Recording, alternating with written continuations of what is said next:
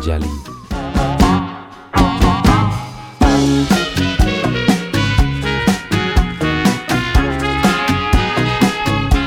Benvingudes i benvinguts de nou al carrer Patanjali. Us parla Gabriel Ballesta.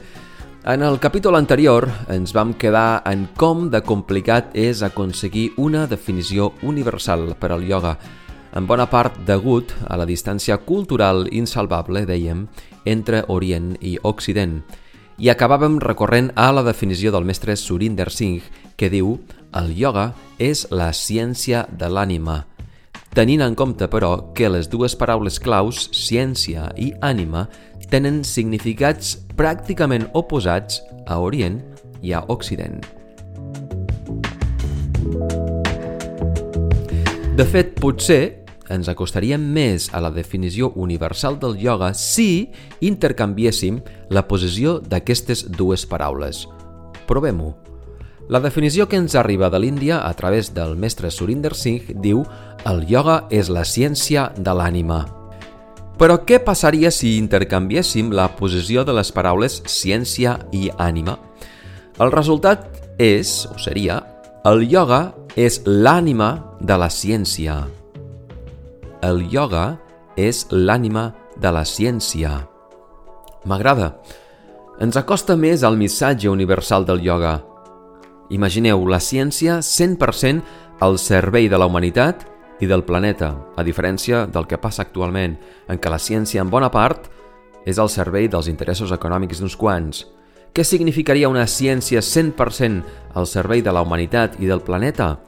Significaria un salt notable en la consciència humana. I la consciència sí que és un concepte universal que ens uneix a tots. Llavors, hem fet match el ioga i la consciència són conceptes que s'agraden. Com els anirà el ioga i a la consciència a partir d'ara? Arribaran lluny? Ho veurem al proper capítol de Carrer Patanjali.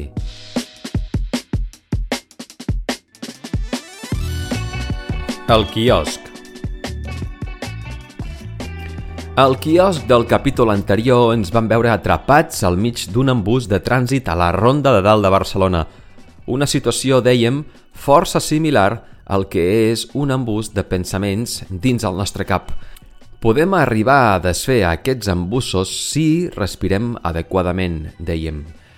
I ens preguntàvem si, respirant adequadament, podíem arribar a controlar la ment. Abans de respondre, anem a entendre com funciona la respiració.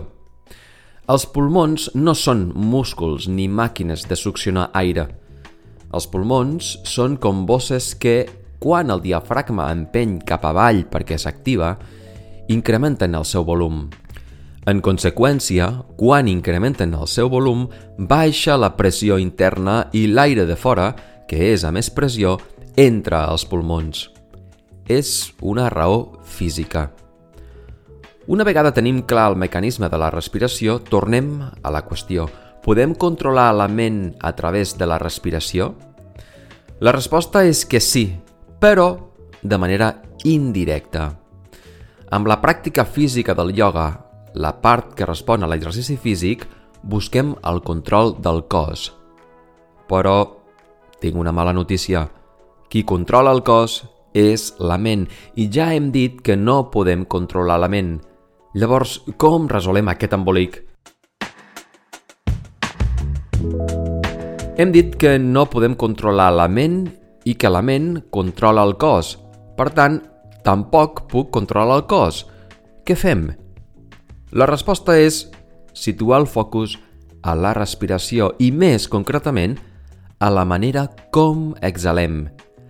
Perquè a través de la respiració sí que podem influir sobre la freqüència cardíaca i la freqüència cardíaca i l'activitat mental estan íntimament vinculades. Fixeu-vos, si ens situem en estats emocionals extrems, angoixa, tristesa, eufòria, excitació, com és el ritme del cor? Frenètic. I l'activitat mental? També frenètica. Com respondrà l'activitat mental si aconsegueixo reduir un cor en estat frenètic? l'activitat mental també disminuirà. Al mateix temps, l'activitat mental i el que entenem per elasticitat també estan íntimament vinculades.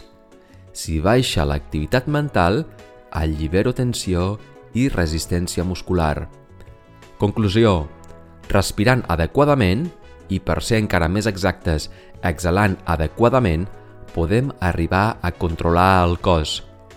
En seguirem parlant al proper quiosc de carrer Patanjali, on veurem com integrar la respiració i la sana.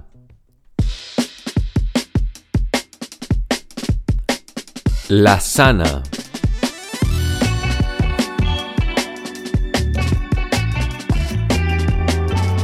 Adho Mukha Virasana és una postura similar a la postura del nen o Balasana. De vegades es confon amb un Balasana amb els braços estirats endavant, però hi ha més detalls a tenir en compte. Adho Mukha Virasana és una postura excel·lent per a l'escalfament hem de mantenir la columna vertebral paral·lela a la superfície. Per aquest motiu és recomanable que els braços quedin completament estirats sense tocar a terra. Les mans les podem mantenir actives sobre els dits o bé sobre els tacs en posició 1 o número 2. En aquest punt, les vies respiratòries estan completament obertes, fet que afavoreix una respiració toràcica profunda, sentint expansió dels laterals, del pit i de la part superior de l'esquena. Amb cada inhalació buscarem aquesta intenció i amb l'exhalació mirarem d'activar direccions oposades. Per una banda, els braços, el coll i l'espina dorsal estiraran endavant, com si volguéssim crear espai entre les vèrtebres. Per l'altra banda, els glutis miraran d'enganxar-se als talons, mantindrem la postura dins un seguit de respiracions completes.